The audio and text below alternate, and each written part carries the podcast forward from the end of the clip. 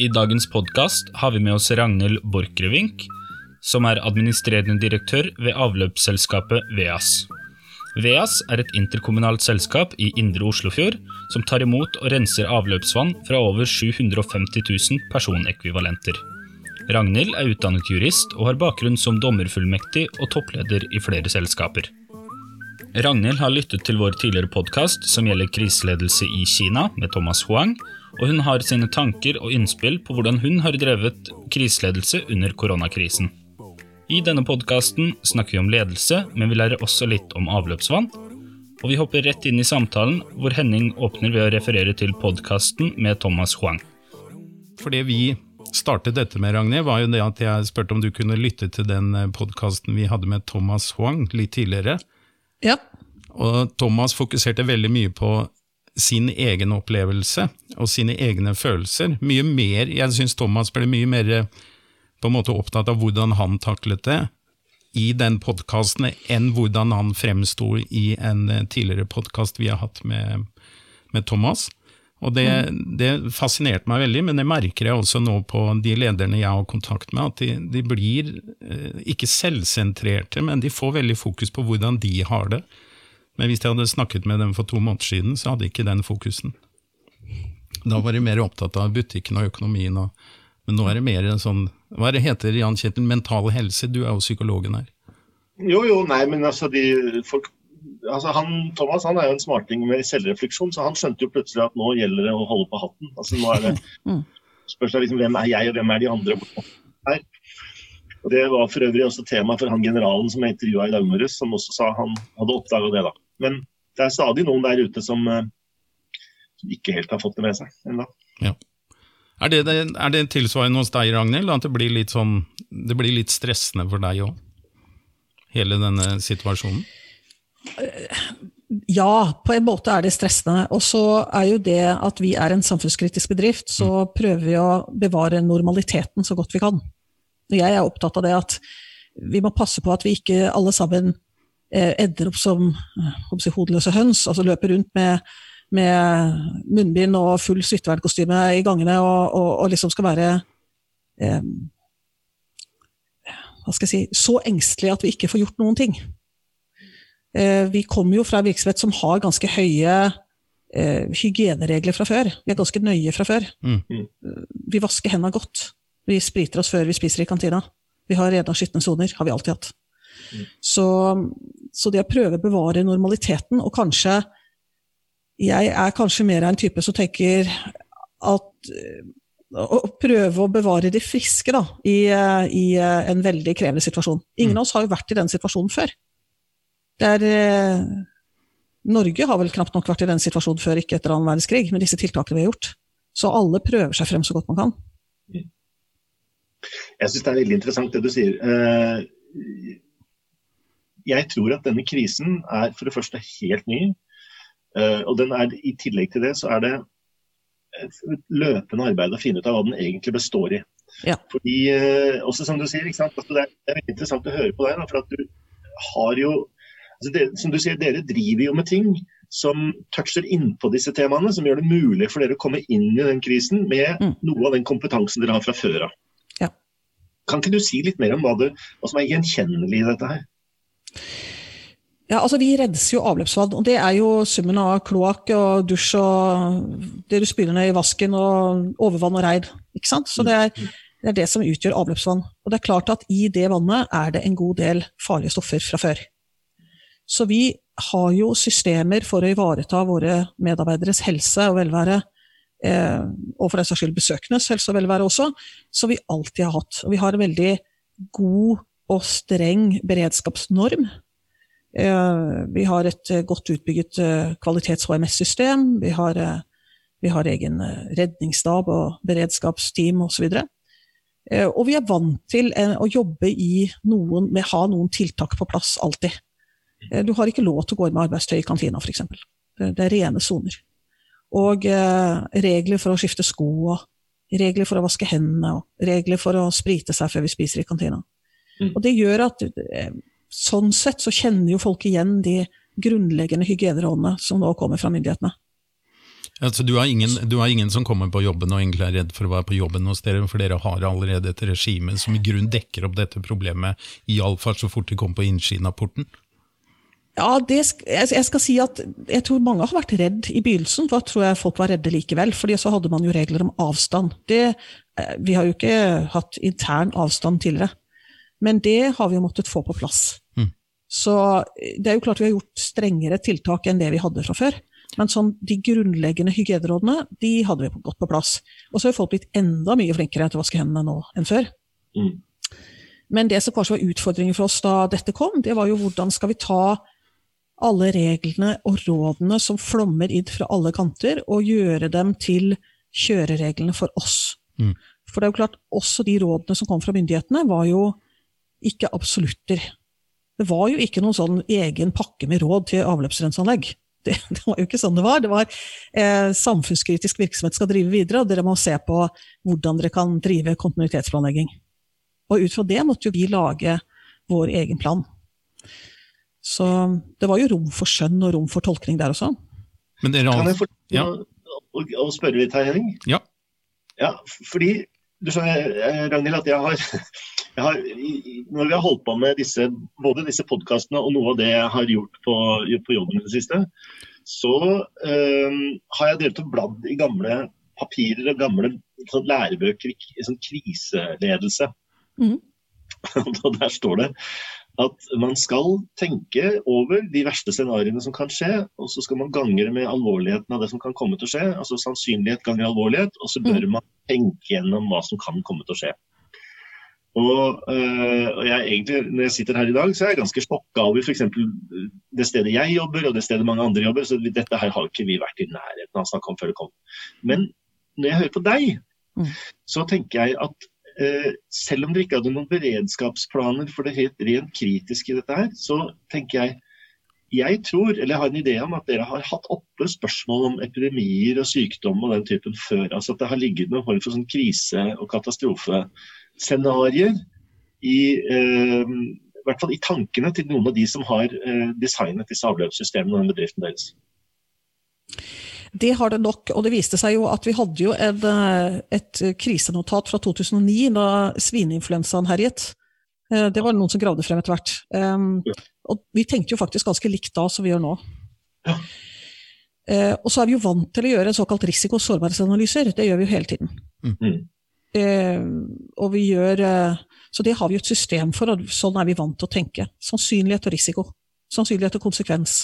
Hva, mm. hva, skjer, hva kan skje? Og eh, det vi gjorde da eh, den 12. mars, før regjeringen hadde kommet på banen, vi begynte jo på morgenen 12. mars, da hadde vi bestemt oss for å ta et stort ledermøte. og eh, Vi har vanligvis ledermøte hver torsdag, men da skulle vi sette oss ned og gjøre denne ROS-analysen. Mm. Risiko og sårbarhet. Mm. Og da var det jo kommet så langt at vi fant ut vi var nødt til å treffe tiltak og, og se. Og da hadde jo ikke kommet noen veldig sterke veiledninger. Så da begynte vi å se på liksom, hva er det mest kritiske, hvordan, hvilken veiledning kan vi finne. Da fant vi frem til Direktoratet for samfunnssikkerhet og beredskap, DSB, de har laget en veileder for kontinuitetsplanlegging. Og Da skal du planlegge ved at 40% av arbeidsstokken blir borte på én gang. Eh, og det var det vi la til grunn. Det var liksom worst case scenario. Hva, hva, klarer vi oss, hva er kritisk masse for å drifte anlegget, og hvordan prioriterer vi? Og Da prioriterte vi selvfølgelig nummer én, det er å få avløpsvannet vekk fra byen. At det ikke går i overløp bak i brygge. Mm. Men at, eh, at, vi får det ut, ut av tettbygd strøk, og ut til oss. Og så nummer to er jo å rense vannet som normalt. Sånn at det vi slipper ut, holder noenlunde normal kvalitet. Hva skal til for å klare det? Hvor mange folk trenger vi? Hva slags kjemikalier trenger vi? Og så videre og så videre. Og så ut fra det, så når vi hadde satt prioriteringslisten, prosjektene våre kom som nummer tre, eh, så, og så kom administrative tjenester, støttefunksjoner osv. som nummer fire. Når vi hadde gjort det, så kunne vi sette oss ned og gjøre en analyse. Hva skal til for å opprettholde da normal drift? Hvor mange operatører trenger vi? Hvor mange mekanikere? Hvor mange elektrikere og automatikere trenger vi for å holde anlegget i drift? I noen uker. Jeg, jeg blir nysgjerrig, for det har jeg tenkt på noen ganger. Sånn, har dere, uh, har dere da f.eks. gått ut og bedt noen om å isolere seg nå, slik at dere er sikre på forkant? Eller hvordan har dere gjort det? Det hadde vi en diskusjon på, om vi skulle dele det operative. Eh, vårt fysiske eh, tilstedeværelse er jo at vi har jo et, eh, vi har et anlegg som ligger i fjell ute på Slemstad. Og så har vi et administrasjonsbygg som ligger i Dagen. Og der, eh, Det er et ganske gammelt bygg, så der har jo alle cellekontorer, bortsett fra operatørene og mekanikerne og elektrikerne, som har teamrom. Um, så allerede ved at vi ikke hadde store landskap, så hadde vi en litt annen situasjon for de som satt på kontor. Uh, som hadde mulighet for å isolere seg selv litt mer ved å lukke igjen døra. Uh, for teamrommene så hadde vi den diskusjonen vi skulle dele driftsorganisasjonen. Og så valgte vi å ikke gjøre det. Og det er litt fordi vi har en vaktordning, hvor folk er på vakt eh, hjemmefra døgnet rundt. Og så bytter de. De har en uke på vakt, og så har de avspasering etter vakt. og så som går rullerende gjennom året. Og vi fant ut at det å dele hele driftsorganisasjonen, og plutselig satt noen hjemme, da måtte vi nesten eh, De hadde ikke kunnet jobbe hjemme. De operative personene kan ikke jobbe hjemme. Da får du et permitteringsspørsmål, og så får du rotasjonen på vaktordningen ville blitt veldig vanskelig. Så vi fant ut i første omgang at nei, vi deler ikke organisasjonen sånn. Men vi innfører avstandstiltak på jobb, slik at vi unngår at folk smitter hverandre. Og så var vi også litt i tvil om hva skal vi gjøre hvis, hvis vi sender folk hjem nå for å isolere seg, så må de jo være da isolert. Eh, og hva hvis de blir smittet av sine kjære eller barna eller mm. foreldrene et eller annet sted på butikken? Man kan jo liksom ikke stoppe smitten heller, så vi var jo sterkt i tvil om det ville være et veldig effektivt tiltak for oss. Det, um, skapte det en form for trygghet òg i bedriften? Både det at dere, dere har gjennomført ROS-analyse før, dere er vane med det, det er en del av en naturlig hverdag for dere. Og da du som leder da setter i gang en prosess ganske radig eh, den 12. mars, når dette skjer, og ved hjelp av den prosessen så signalerer du jo også til de ansatte at dette er ting vi kan håndtere, dette er ting vi håndterer nå, dette er ikke helt nytt for oss. Betyr det en del for hvordan de ansatte på VEAS eh, på en måte responderer på det som har skjedd, at de føler at det finnes en form for trygghet i jobben? For det er vel vanlig i kriser at man søker trygghet? Jeg tror det er veldig avgjørende, og det har vært noe av eh, diskusjonen vår også, er hvordan kan vi skape tilstrekkelig trygghet. Målet vårt var jo at ingen skulle bli smitta på jobb. At mm. jobben skulle være omtrent det tryggeste stedet, annet enn senga, som du har. At eh, liksom det stedet du kan være trygg, og at ikke vi skulle smitte hverandre. Og det er jo klart at Vi hadde alle avskygninger av mennesker. Vi er 96 medarbeidere. og Du har alle avskygninger. Du har eh, kanskje 20 er eh, Eh, hva heter det, dumdristige, og 20% er overforsiktige, og så har du alle de andre i midten. Ja. Og hvordan skal du finne et, uh, gode regler som alle respekterer, mm. og som alle føler at de kan leve med? For de utrygge så vil det føles fortsatt litt alltid vil være litt skummelt. Og for de eh, rastløse og, og litt eh, dumdristige så vil det føles som at dette er veldig strenge regler. Så det gjelder å finne den balansen. Mm. Og når det gjaldt f.eks. ledergruppen vår, så bestemte vi oss for å dele den i to. Så da har vi hjemmekontor annenhver uke. Halvparten av oss. Mm. Og det var jo litt for å dele oss, og for å passe på at ikke alle sammen uh, satt i ett møte og smittet hverandre.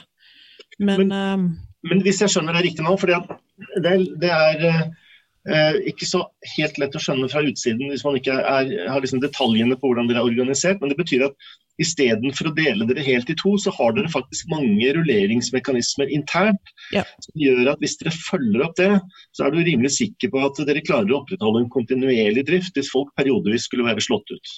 Ja. Og det vi fant ut var at det var såpass få uh, mennesker som skal til for å drive anlegget. Hvis vi snakker tre uker, tre-fire uker, så er det såpass få mennesker som skal til for å drive anlegget, at vi så det ikke som hensiktsmessig å dele hele organisasjonen. Mm. Jeg tror Hadde vi hatt, liksom, hadde vi hatt eh, la oss si 40 i operativ drift og 20 måtte til for å drifte organisasjonen, hadde det nok vært mye større spørsmål om vi måtte dele oss. Men eh, det er en fem-seks personer som skal til for å drifte anlegget. Vi er 96 ansatte, så da mm. Mm. en god del sykemelding også. Jeg må jo si Vi også hadde, vi hadde alle mulige verstefallsdiskusjoner. Vi hadde også en diskusjon på eh, hvis noen er i karantene pga. innreise eller nærstående som er smittet, så hadde vi fortsatt kunnet sende dem ut i fjellet for å gjøre en jobb. Så det er jo klart vi hadde hatt muligheter for å drifte dette anlegget med relativt lav bemanning, eh, og veldig mange ute samtidig. Så, men det er jo klart, vi, ingen av oss hadde noen fasit. Første uken var alle usikre. Mm. Og, og, lederansvaret, må jeg si, det var jo eh, en ganske tyngende å tenke at jeg, jeg vil jo ikke at noen skal bli syke eller gud forby dø på jobb. Mm. Eh, fordi vi ikke har satt strenge nok regler. Det er jo et lederansvar. Og det tar man jo alvorlig. Og samtidig så er nok jeg av en støpning som liker å opprettholde normalitet, for jeg tror man har det bedre hvis man slipper å tenke på sykdom og frykt hele tiden. Man kan konsentrere seg om å gjøre jobben. Og for ledelsen så tenkte jeg det var viktig at vi er synlige, at folk ser at vi fortsatt er der. At ikke alle sammen har stukket av på hjemmekontor mens vi er nødt til å ha folk på jobb for å drifte anlegget. Det syns jeg høres forbilledlig ut, ja.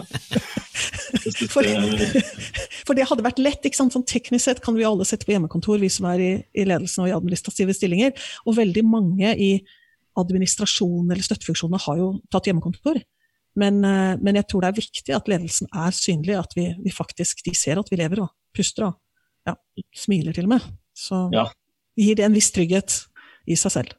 Ja, eh, Dette er jo ting som eh, som eh, kommer opp igjen og opp igjen de siste dagene. Og jeg må jo si, altså, Det er jo en moden og erfaren ting å si av deg, men jeg må innrømme at jeg har hørt noen historier i det siste om bedrifter i Norge mm. hvor biter av ledelsen har liksom stormet mot livbåtene mm. for å være først oppe i livbåtene og sagt at vi må ikke si noe om at dette synker. på en måte. Så eh, jeg må jo, må jo si at uh, allerede nå så har vi jo hørt historier og sett uh, tilløp til situasjoner hvor hvor, hvor, hvor ledelsen er bekymra og signaliserer det, eller prøver å skjule det på åpenbare måter. Mm. Mm. Og, og, samtidig, altså Vi skal ta folks frykt på alvor, men den kan ikke bli helt altoppslukende. Og Det har jo vært viktig også å forklare for de mer engstelige av oss at mm. Vi skal ta forholdsregler, men vi må samtidig opprettholde normal drift. og hvis det er et tåpelig eksempel. Det er jo ikke det at vi har prøvd dette i praksis, men hvis vi skulle gått rundt i fulle smittevernuniformer fordi vi var redd for å møte våre, våre, kolleger, så blir det litt dumt, det også. Eh, så vi har, eh, eh, vi har prøvd å sette på plass tiltak som gjør at vi, at vi har mye større sosial distanse også på jobb, og trygge forhold. Og, men vi har som sagt sørget for at vi er synlige, vi som er ledere. Mm. Og, og jeg, apropos det du sa om livbåten, jeg må bare legge til at jeg har jo tenkt litt at kapteinsregelen, sistemann fra bordet, er kapteinen. Og det å tenke litt som kaptein man, man, skal jo forsøke å stake ut den kursen. Det er ansvaret. Å stake ut en kurs og gi medarbeidere trygghet på at dette, dette er det, det, beste vi vet nå. Og så kan det jo hende kursen må legges om etter hvert, det, men, men, det er vårt ansvar som ledelse å stake ut en kurs. Og det å være til stede. Det tror jeg Henning jeg kan snakke på vegne av oss begge to som seilere, at det varmer vårt hjerte. Og noen tar den rollen. Det er godt å høre. Jeg, tenker, jeg, tenker, da på den cruisebåten som uh, velta for noen år siden, hvor kapteinen sto på land og så det skje. så det er jo litt det at dere må være på arbeidsplassen, dere må være til stede og synlig. Det er jo det du sier da, Ragnhild. Ja, og det er noe med solidaritet også. Jeg, jeg tenker at og det fikk vi også spørsmål om i begynnelsen. Folk var redde. Så noen av våre operative ansatte var sånn ja, men kan ikke dere i ledelsen komme dere hjem, for ellers så smitter dere oss. Mm. Det var litt motsatt eh, synspunkt ja. også. Okay. Eh, og så hadde vi en diskusjon med de tillitsvalgte. Vi hadde, de ba om et kontaktmøte, som det kalles. Da møtte vi alle fagforeningene. Og det var veldig bra, for da fikk de liksom luftet sine største bekymringer den første uka. Hvor alle egentlig var veldig redde. Ja. Uke to så gikk det lettere. og Da hadde vi et nytt kontaktmøte i slutten av uke to. Og da var stemningen lettere, for da var det større tillit at dette holder jo. Dette er jo fornuftig. Ja. Mm. Ragnhild, jeg kan ikke dy meg. Jeg sitter med et presserende spørsmål. Jeg. Men nå har vi altså sittet og hørt regjeringen si eh, i ukevis det viktigste vi gjør nå, er å vaske hendene. Vask hendene som om livet ditt avhenger av det. Mm. Hvis alle følger det rådet, så ender alt det farlige opp hos deg, Ragnhild. Ja. Hva da? Hva da, ja. altså, er, du, er, du, bekvem med at vi på en måte vasker alle problemene ned i sluka til deg? Er det greit? Ja, det, det går greit. Det korte svaret er det går greit. Ja, det var beroligende. Det har vært gjort analyser, eller det har vært eh, utredet iallfall foreløpig, om dette viruset er mer farlig enn alle de andre virusene for avløpsvannet. Okay. Eh, vi får jo avløpsvannet fra Rikshospitalet også. Ja. Ikke sant? Eh, og vi, vi, får jo eh, vi får en del narkotika i vannet. Vi driver jo undersøkelser for politiet og sporer narkotikabruken forskjellige steder i Oslo. Mm. Vi har jo full oversikt over det. Men det er ikke mulig med gjenbruk, nei? Nei, det er det ikke. Altså. Så, og, men, eh, men hvis, så vi, vi, får jo inn både viruser, vi får inn antibiotikaresistente bakterier og, og antibiotikalegemidler, og vi får inn alt mulig annet farlig, og vi får inn giftige stoffer. Eh, og så er det jo selvfølgelig begrensninger hva du kan slippe på nettet, det er det. Men, men det er ingenting som tilsier at dette viruset har noe større grad av overlevelsesevne enn alle de andre tingene som kommer i avløpet. Og det er jo det vi har forholdt oss til. Det er det eh, vitenskapen, bransjenettverket, sier da. Men det vi har jobbet mer med, mer de siste årene, er jo å lage gjenvinne ressurser fra avløpsvannet. Og I mm. dag ser jo vi egentlig på avløpsvannet som en stor ressurs. Fortell. Ja, det er, eh, Hvis vi begynner med varmeenergien, så tas det ut 105 gigawatt-timer med varme fra kloakktunnelen i dag. Og det utløps, og det utløpsvannet vi slipper i fjorden, som holder 12-14 grader, det kunne varmet opp 40 000 husstander. Eh, så det er varmen. Og så holder vi på å bygge et biogassanlegg. og Det skulle jo startet uh, uka etter påske. Det blir jo litt forsinket nå pga. koronaen. Men det biogassanlegget vårt, da kommer vi til å lage metan, flytende metangass for kjøretøysektoren, transportsektor.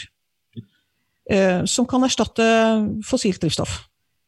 Og uh, det er jo sånn at ett toalettbesøk tilsvarer jo 77 meter på en trailer kan kjøre trailer 77 meter på ett toalettbesøk. Ja, så det er jo helt fabelaktig. Liksom. Det, det, det kommer jeg til å tenke på en gitt situasjon om ikke så lenge. jo, men det er akkurat Det er litt det, ja.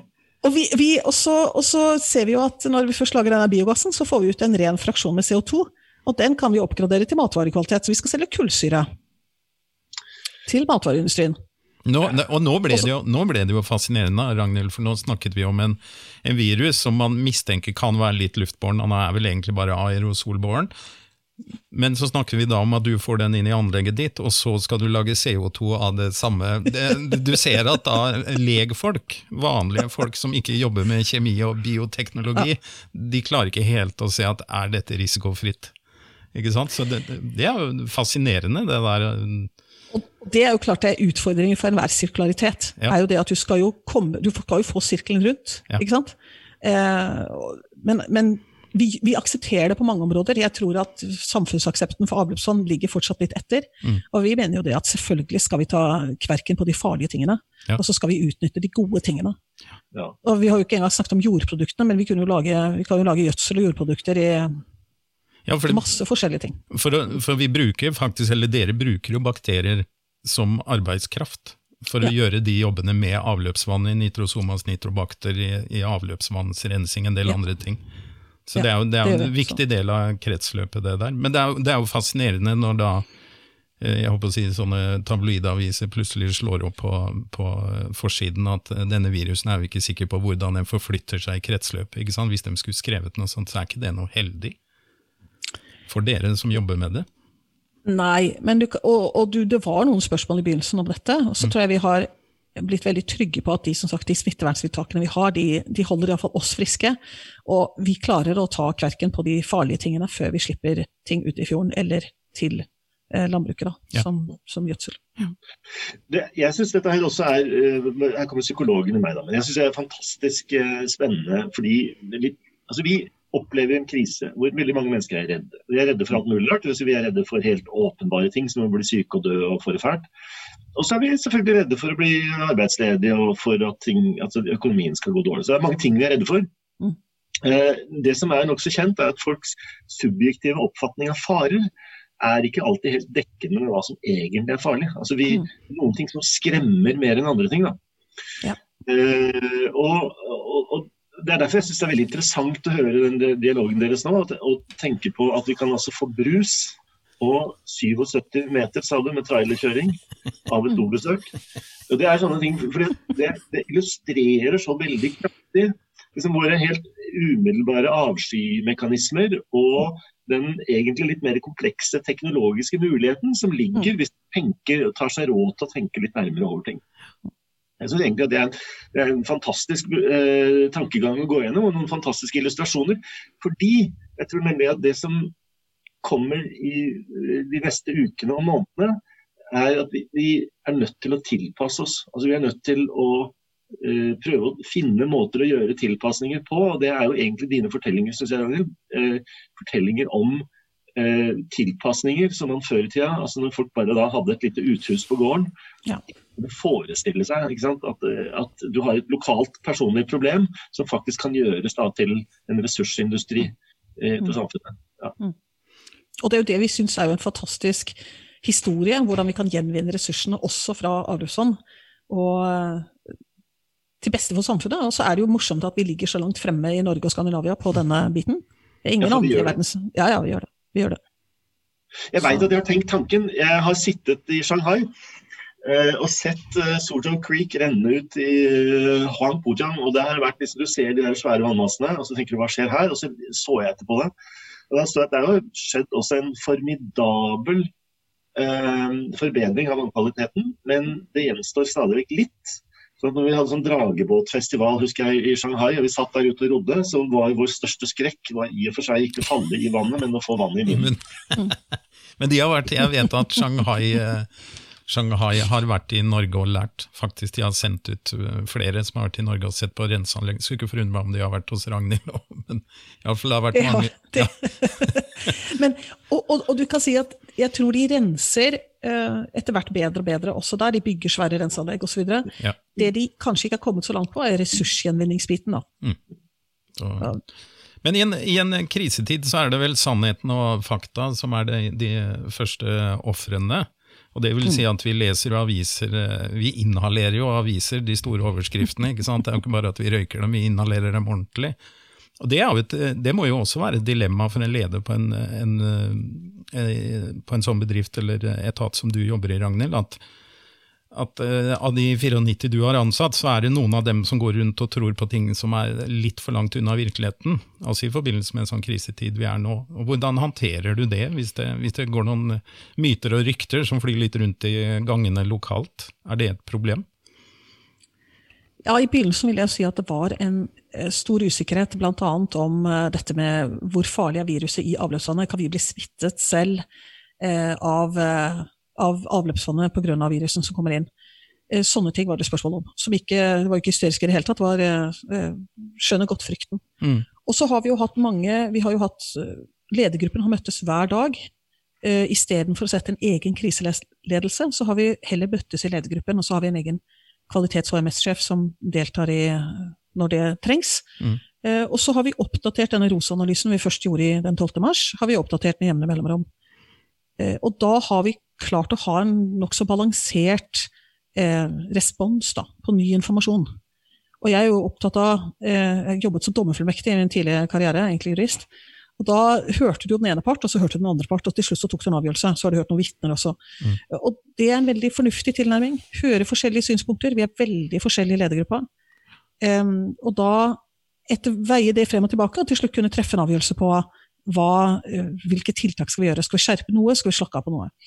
Men at det er masse myter, og at du leser utrolig mye forskjellige aviser. Og ja, både det å fordøye all informasjonen som kommer flommende inn. Eh, noen ganger så tenker jeg at vi alle etater, organisasjoner av alle sorter skal liksom drive verdensmesterskap i beredskap. Ja. Det er litt slitsomt noen ganger. Ja. Det, ja. Det blir litt kommer det? Ja? Jeg har bare lyst til å spørre hva du tror om det. Hvorfor skal vi det? Jeg, jeg, jeg vet ikke hva jeg skal kalle det. Det er litt sånn lemenfenomen. Hvem, hvilket lemen er det første, og hvor mange lemen skal til så løper i en retning før resten av flokken gjør det? Jeg vet ikke. Men etter hvert så er det ingen lemen som stopper opp og tenker at vi skal gjøre noe helt annet. Det er nesten umulig, vet du. Så jeg, jeg tror at akkurat som klimadiskusjonen at alle virksomheter føler at de må gjøre noe for klimaet, om det så er å bytte ut plastsugerørene i kantina. ikke sant? Mm. Um, uansett hva slags virksomhet, om de har stort eller lite klimafotavtrykk, spiller ingen rolle. Alle er nødt til å gjøre noe. Alle er nødt til å si noe om det, iallfall. Ja. Og litt sånn er det sånn med beredskap også. Du kan jo ikke si som virksomhet at nei, vi har ikke noe forhold til beredskap, for vi har jo en virksomhet som er så liten. Det er meg og en kompis som sitter på hvert vår hjemme-PC uansett. ikke sant? Så det er, trenger ikke å gjøre så mange tiltak. Det kan du liksom ikke si. Du er nødt til å nødt til å ha en plan. Ja, så, så, og vi har så bra samfunnsstruktur. Jeg tror nesten at noen ganger tenker jeg av og til vi er nesten offer for at vi har så innmari godt utbygd samfunn. Ja. For da må alle ha disse enorme beredskapsplanene og krisestab og holde på. Men det er jo ikke et spørsmål om hvor mange møter du holder, det er et spørsmål om hva gjør du av innretninger for at din bedrift skal være trygg. Det er jo det som er spørsmålet. Og det, Ja, så har vel Jeg- krisen forskjellig ansikt hver gang. Altså, Veldig, ja. altså, plutselig så skjer det noe som er mye mer lokalt i nærheten av dere, og som påvirker dere hundre ganger så mye i forhold til det som påvirker i dag. Da. Så, Ja. så det med beredskap er jo ja, mangslunget. Beredskap mot hva? Det er veldig mange mennesker som befinner seg på arbeidsplasser som er som du sier, de er overrutiniserte. Eh, Mm. Trusselen er veldig langt borte. og det er klart I det øyeblikket de får en beredskapsmulighet, så får de en slags konkret følelse av å slåss med et monster. Altså det er et Mm. eller annet, Da blir det action, da er alle litt MacGyver. Mm. Uh, så det er klart, det, det er med på å mobilisere, da, men det gjør, skaper samtidig kanskje en voldsom virketrang som ikke alltid er helt på sin plass. nødvendigvis. Jeg, jeg må si at jeg, toppen, Nå skal jeg, være litt, eh, skal jeg prøve å være så diskré jeg kan, men eh, toppen for meg det var jo da jeg fikk en e-post, et nyhetsbrev fra et revisjonsfirma.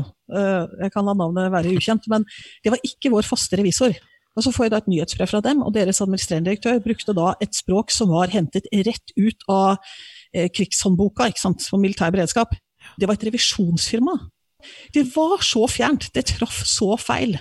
Jeg tenkte, jeg får altså disse rådene Jeg har jo 100 forskjellige organisasjoner og virksomheter som forteller råd om hva du skal gjøre Mm. eh, og ikke gjøre.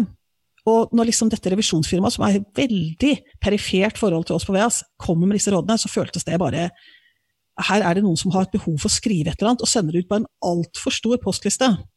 Og så brann med store krigstyper. da. Enorme krigstyper. Ja, det ser du jo Nei, men- overalt nå, både i, i aviser, Dagens Næringsliv, nesten hver dag nå, så er det vel en eller annen som kommer med noen gode råd. I dag var det en, en kaptein, tidligere kaptein i marinen, som eh, kom med, med skikkelig militær eh, eksersisråd, som jeg kjente igjen litt fra rekruttskolen. Det var artig at han skrev det, men, men jeg er usikker på hvor mye av dette er som i virkeligheten er matnyttig, når alle skal komme med råd. Ja, og så er det er klart at vi er jo fortsatt veldig sånn, vi, vi konsumerer eh, nyheter på en helt annen måte, som du sier, intravenøst. ikke sant? Vi er jo helt eh, hysteriske på å få nytt. For, oss, ja, for, for meg har det i hvert fall vært viktig å ha denne graden av normalitet, og prøve å eh, dempe den verste frykten og få rutiner på plass som gjør at vi kan drifte videre. Mm. Og ikke bruke hvert våkne sekund på å tenke beredskap. Mm. Og da, men det, er litt, litt, det som er litt deilig å snakke med deg om akkurat nå, er jo å tenke det at eh, når jeg står opp om morgenen og dusjer og går på jobben, så kan jeg faktisk dusje og gå på jobben fordi at det er fryktelig mange ting som er ivaretatt. Sant? Det er det. Og, og, um, for det, det er vel dit vi må nå. Jeg kan på en måte også skjønne det selv. Jeg er selv nysgjerrig. Lurer på ting. ikke sant? Sjekker ut og hva skjer nå. Det er mye her som er, tydelig på at vi heller ikke riktig vet hva slags krise dette her er. Mm. Men det er jo Jeg vil jo tenke at hele, hele avløpssystemet er jo skal vi si, et vesentlig bidrag i menneskehetens historie til å forhindre epidemier og sykdomsutbrudd fra sted. Altså, Ja. Vi har organisert oss før, og hele liksom, din etat er vel egentlig et levende bevis på det. Det var jo litt morsomt, fordi at i siste episode av Game of Thrones så sitter jo de som har overlevd igjen i et slags byråd, og så skal de bestemme seg for hva skal de bygge opp først, bordellene eller kloakksystemet. Da det, Jeg har ikke sett siste De mest episode, men nå gleder jeg meg. samfunnsfunksjonene. Ja. Jeg skjønner. Så, men vi, er på, vi er på basics, ikke sant. Og det er, det, det er, noe, det er noe tidløst. Ja, det er noe tidløst og sivilisasjonsbygg. Jeg har ikke sett den episoden, jeg var valgte ja, det, der stopper episoden, så det får vi aldri se. på. Det får vi aldri vite. Det er, det er- jo den gamle brød og sirkus fra romertiden, er det ikke det? Ja, ja. Det, er, Jo, og vi- brød, sirkus og et fungerende kloakksystem. Ja, ikke sant. Og så- har du det som det nå skjer i USA, da, hvor de, hvor de hamstrer eh, toalettpapir og våpen. Og jeg er helt Mm. enig med dem at eh, hvis noen springer rundt og skyter etter meg, så trenger jeg antagelig toalettpapir. Så det må være ganske Det er helt riktig kombo. Så, Jeg mener at hvis de bare skyter riktig mye etter deg, så kan de få trailerne til å gå langt mer enn 77 meter. Ja, ikke sant? I sånne krisetider så er behovet nummer én at hvis du vil ha energi inn i, i organisasjonen din, så må du åpne opp ledelsen Mm. for eh, å få opp hva folk tenker og syns. For Hvis ikke så kommer du til å eh, miste. Du, kontroll er ikke noe du kan ta, kontroll er noe du får gjennom andre. Mm. Kan du si litt mer om, om, eh, om disse prosessene som du har hatt eh, med, med dine egne?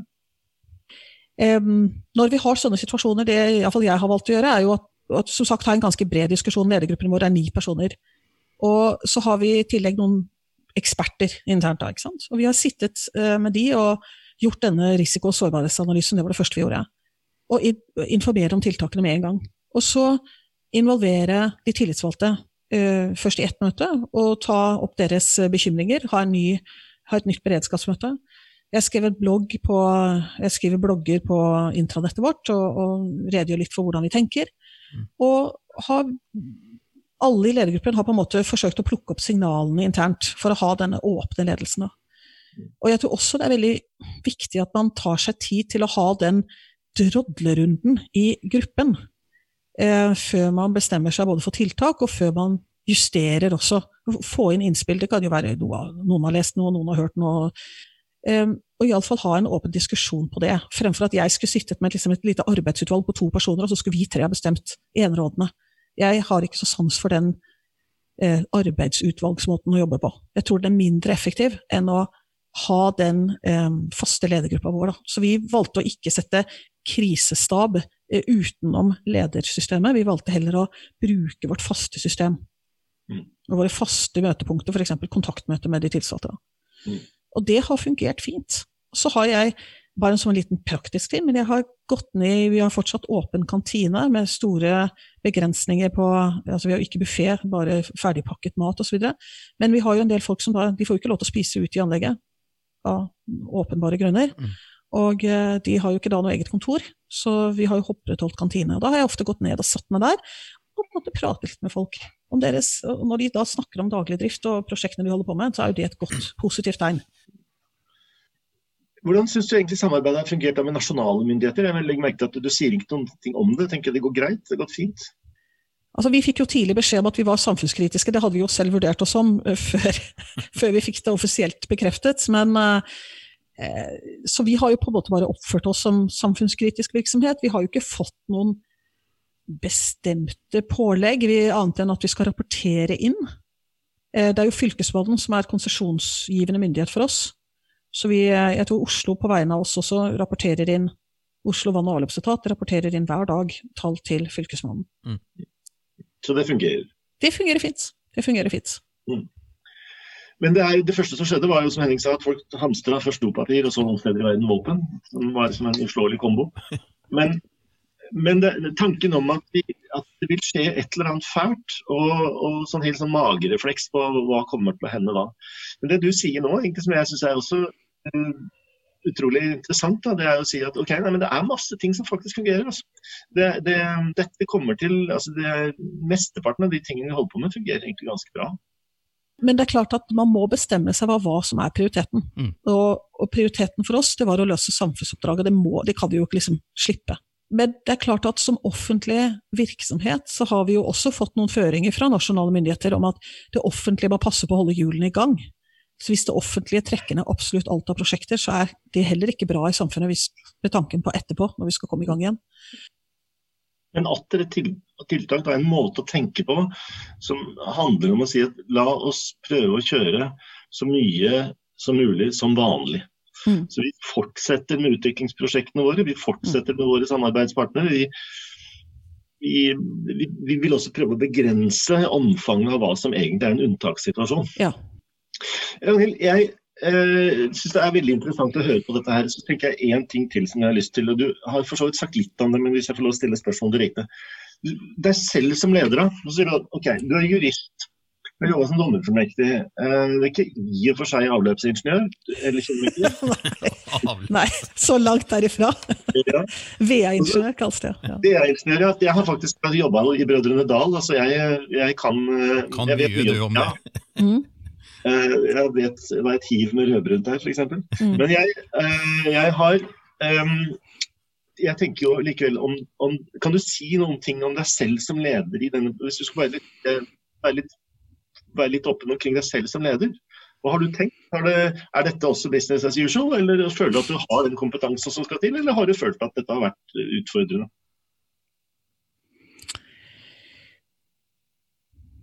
Det er ja, hva skal man si til det? Jeg er glad for at det ikke var min første topplederjobb. Det er nok. Og jeg er glad for at jeg har en mangslungen erfaring. fra mange steder og virksomheter og type virksomhet. Jeg tror jeg har erfaring med de aller fleste selskapsformer som fins. Og jeg tenkte litt gjennom det da vi skulle inn, på, inn i den podkasten, at jeg føler meg veldig ambivalent i denne situasjonen. Jeg er ikke sikker på hva som er riktige tiltak i samfunnet, eller om Norge har valgt riktig vei, eller hvordan dette vil gå. Jeg har egentlig ingen svar. Og kanskje det er en bra ting. For hadde jeg hatt veldig veldig skråsikre svar, så tror jeg jeg hadde vært en dårligere leder. Ja. Så det å, det å, kunne håndtere den ambivalensen og stille seg spørsmålene hele tiden, og være fleksibel, for da er det mye lettere å justere kursen. Hvis jeg hadde vært knallsikker på at jeg alene har rett, og kjørt etter det, så hadde det vært mye vanskeligere å justere. Mm. Mm. Og så liker jeg å jobbe sammen med folk. Jeg, dere spør om det har vært vanskelig å lede. Egentlig så har det jo vært en fantastisk gjeng å jobbe sammen med. da. Mm. Fordi at de, de, vi, har et, vi, har en veldig, jobbet mye med ledergruppen, og vi, veldig, vi, er veldig forskjellige, men vi har en stor takhøyde, åpenhet og tillit mellom hverandre. Det er kjempeviktig. Og Hadde vi ikke hatt det, så hadde det vært mye mye vanskeligere å treffe riktig balanserte tiltak og fått legitimitet for det i organisasjonen. Og så er det noe med medarbeiderne også. Det er sikkert jeg tenker jo alltid, som alle ledere tenker at min dør er alltid åpen og det er lett å snakke med meg. Det er jo ikke lett å snakke med lederen for alle, det er jo ikke det. men, men det å iallfall ha den åpenheten på at folk blir ikke skjelt ut hvis de kommer med noe, eller stiller et spørsmål eller er kritisk, det gjør de jo ikke. Og da er det litt tryggere da å komme frem med ting. Mm.